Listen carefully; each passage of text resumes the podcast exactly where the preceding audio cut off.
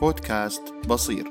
أقدم لكم أنا الدكتور نورس عجاج نتكلم فيه عن كل ما يزيد حياتك جودة وسعادة.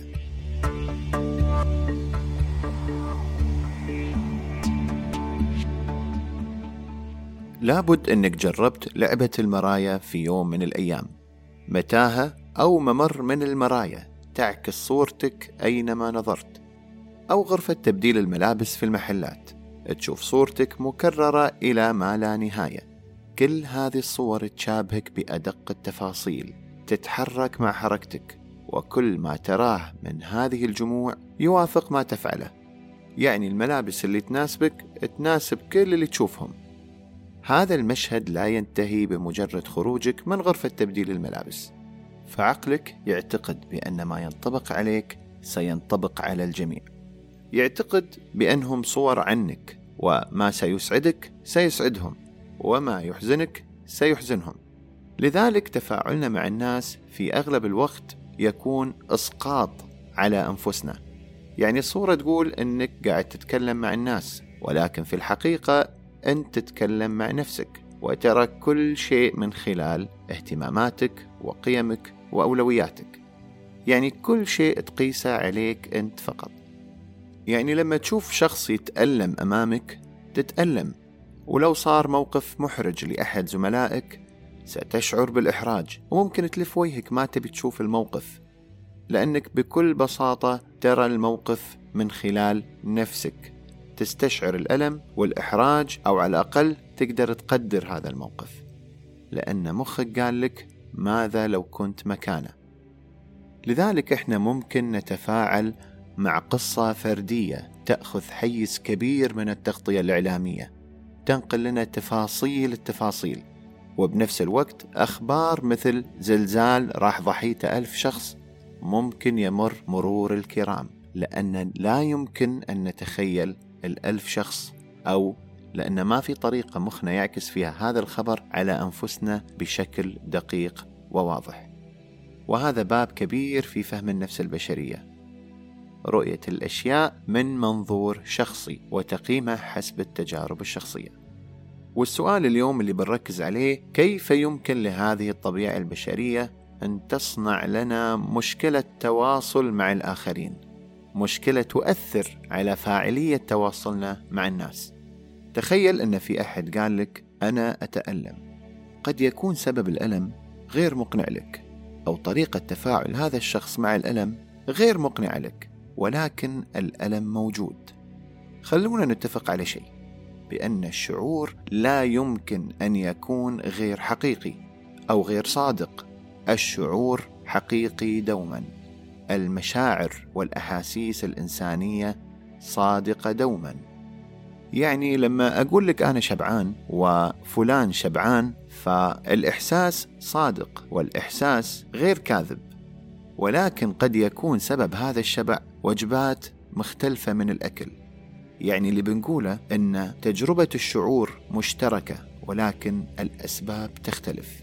الأسباب اللي ممكن تصنع عندك شعور معين قد تكون مختلفة عند شخص آخر وأيضا توصله لنفس الشعور اللي أنت وصلت له.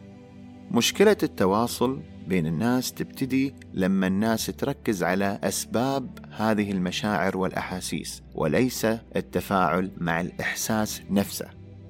أحد أشهر الأمثلة لهذا المفهوم هو لما تشوف شخص سعيد جدا ومستانس ويعني آه، مثل ما يقولون تشوف الفرحة بعيونه وكل ذلك لأن اشترى ساعة متواضعة.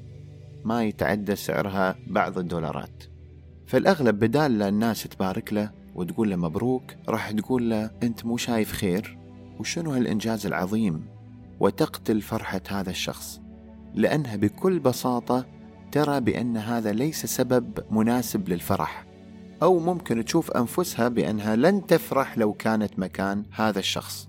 وبذلك تعود لغرفة تبديل الملابس وتعيش وهم أنها مركز الكون. أفكار الناس ورغباتها وتفضيلاتها قد تكون شيء معقد بالنسبة لنا وهذه الحقيقة. فكل فرد فينا عبارة عن كود برمجي فريد ولن تستطيع التعامل مع كل مكوناته. ولذلك أسباب التواصل الأمثل بين البشر هو التفاعل مع المشاعر والأحاسيس لأنك ببساطة تقدر تقيم الشعور ولكن ما تقدر تقيم أسبابه أو حتى أنك تتفهمها. على سبيل المثال موظف سعيد بأن تم تغيير تصنيفه من ألف 64 إلى باء 48 طبعا هذا قد يكون سبب غير مفهوم بالنسبة لك لأنك ما عندك أي علم بهذه التصنيفات. ولكن تخيل بأن هذا الموظف قال لك هذا شيء عظيم يعني ويشعر بالسعادة مثل لما أنت تتخرج من الجامعة بتقدير امتياز وثاني يوم تتوظف ووظيفتك هذه يعني معاشها جدا مرتفع. شفت الشعور اللي وصل لك يا؟ خلاك تعرف ماذا يعني هذا الموضوع. لذلك أنت هني ممكن تقول له مبروك وتتفاعل معاه لأنك أدركت شعور الفرحة وما يوازيه في عالمك ولكن ما عندك علم في التصنيفات الوظيفية. يعني لما تكلم الناس على طول عندك خيارين. إما أنك تتكلم مع نفسك أو أنك تتواصل مع الناس. طالب تخرج من الجامعة بتخصص ما. ممكن تتكلم معاه وتبارك له وتقول له الله يوفقك وإن شاء الله حياة سعيدة والله يكتب لك الخير. وممكن أن تكلم نفسك وتقول له ليش فرحان هالكثر؟ شنو هالتخصص العظيم اللي تخرجت منه؟ أو حسسني أن ناسا بيوظفونك. أصلا أنا عمري ما سمعت عن هذا التخصص. هذا التخصص ما له مستقبل. وهكذا. أنتم نستنكر ونستغرب وكأننا مركز الكون. إذا شيء لم يثير إعجابنا أو يشد انتباهنا فهو شيء ما يسوى. أنا شخصيا مثلا ما أحب كرة القدم. ولكن أبارك لصديق تو فريقه فاز في البطولة. أشارك الشعور أفرح لفرحه مع أن صديقي يدري أن أنا مالي شغل بالكرة ولكن تم التواصل بيننا. شعرنا بالفرح قدر لي هذا الشيء. وأذكركم بأن صديقي يدري أن مالي شغل بالكرة. طيب السؤال هل من الممكن أن يكون هناك سبب خاطئ للأحاسيس؟ الجواب نعم ولكن مرة ثانية السبب الخاطئ لا يعني بأن الإحساس أو الشعور غير حقيقي. شلون يعني؟ واحد قال لك والله أنا اليوم حدي مستانس وأشعر بالسعادة والفرح. ليش؟ والله لأن اليوم كسرت سيارة جارنا اللي أكرهها الصراحة. ما أواطنه بس اليوم تمكنت ولله الحمد أن أكسر له سيارته. طبعا في هذه الحالة مو لازم تصفق وتبارك شعور السعادة للشخص بس ممكن تقول له اللي سويته خطأ. وأرد وأقول لكم بأن حتى في هذه الحالة ما تقدر تقول له أن سعادتك غير حقيقية أو شعورك بالسعادة كاذب. ولكن هذا خطأ. الموقف اللي سويته خطأ. خلونا نتكلم بصراحة.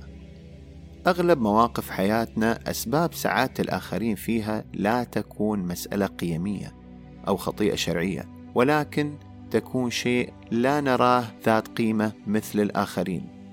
يعني يكون اختلاف في الآراء اختلاف في الرؤى اختلاف في الاهتمامات وهكذا. وفي نقطة مهمة لازم نتكلم فيها. بأن مو لازم نحلل أسباب الفرح مثلا أو الحزن إلا في مواقف معينة. كطبيب مثلا وايد مرضى يزوروني أو ناس تستشيرني وتبتدي كلامها بجملة أنا أحس بحزن شديد أو أنا أحس باكتئاب أو أحس بضيقة خلق. أول شيء أقوله لهم أنا مقدر شعورك. شعورك حقيقي إحساسك حقيقي. حزنك ما حد ينكره. ولكن أعتقد بأن ترتيب الأفكار اللي وصلك لهذا الشعور هو الخاطئ. طيب في واحد بيقول لي الحين كلامك طيب وأنا الصراحة بصير أتفاعل مع مشاعر الناس. إذا شفت عامل بسيط اشترى حذاء بشارك الفرحة وأتعاطف معاه مع أني شايف أن الموضوع ما يسوى. أنت مخطئ لأنك في هذه الحالة مثلت صورة التواصل ولكن هذا التصرف يزرع الكبر في نفسك لأنك تعود لنقطة أنك مركز الكون وتقيم الأشياء تسوى أو ما تسوى. فاللي تشوفه سخيف هو سخيف اللي تشوفه بسيط هو بسيط واللي تشوفه سبب للسعادة فلا بد أن يكون سبب سعادة الآخرين.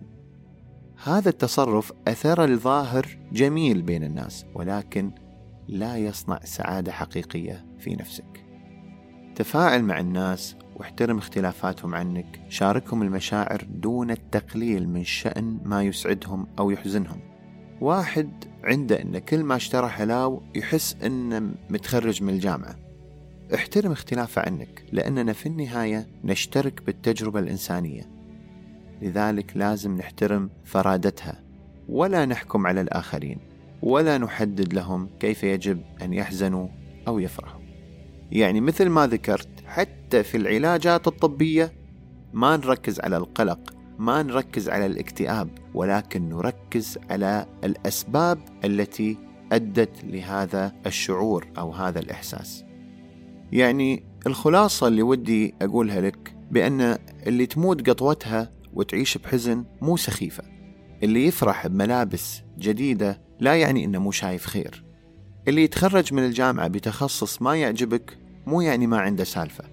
زميلك اللي يشعر بالسعادة لأن اشترى قلم جديد مو يعني إنسان بسيط وسطحي. إذا شفت أخوك مهتم بشيء وسعيد فيه وهذا الشيء خارج اهتماماتك عبر له عن سعادتك. افرح لفرحه وريه إنك مستانس لأنه هو مستانس. وأذكرك بأن هدف التواصل مع الناس هو التفاعل مع مشاعرهم وأحاسيسهم وليس الحكم عليها. إلا في مواقف محددة بيناها. ولا يخفى عليكم بأن المشاعر معدية. توهج الفرح من الآخرين حرام ينعكس على مرآة نفسك ويرتد عنك. اكسر هذه المرآة. ودع النور يعبر من خلال قلبك وينشر سعادته ويوصل جسور التواصل بين قلبك وقلوب الآخرين. رب العالمين سبحانه وتعالى خلقنا شعوب وقبائل ولكن لما تكلم عن الجنة تكلم بأن فيها السعادة فيها الرضا فيها الحياة الهنيئة. فلاحظوا شلون صنع الشعور عند كل مؤمن. فالجنة في تصور شخص قد تكون غير الجنة في تصور شخص آخر. ولكن الجميع يشعر بالسعادة يشعر بالرضا يشعر بهذا الثواب وهذا العطاء الرباني الجزيل. وطبعا من هذا المنطلق أقول لكم حطوا نفسكم مكاني. لو كان عندكم بودكاست أكيد سعادتكم بتكون بانتشارة بين الناس. وأتمنى تشاركوني تجاربكم عن طريق متابعتي في تويتر at drnورس وفي رابط ممكن من خلاله إنكم تكتبون لي عن تجاربكم الشخصية أو تعليقاتكم اللي تخص هذه الحلقة أو أي حلقة من حلقات بودكاست بصير. ودائما أحرص على نشر التعليقات والآراء اللي تخص الحلقات وذلك لإثراء التجربة ولمشاركة الفائدة مع الجميع. ويعطيكم العافية.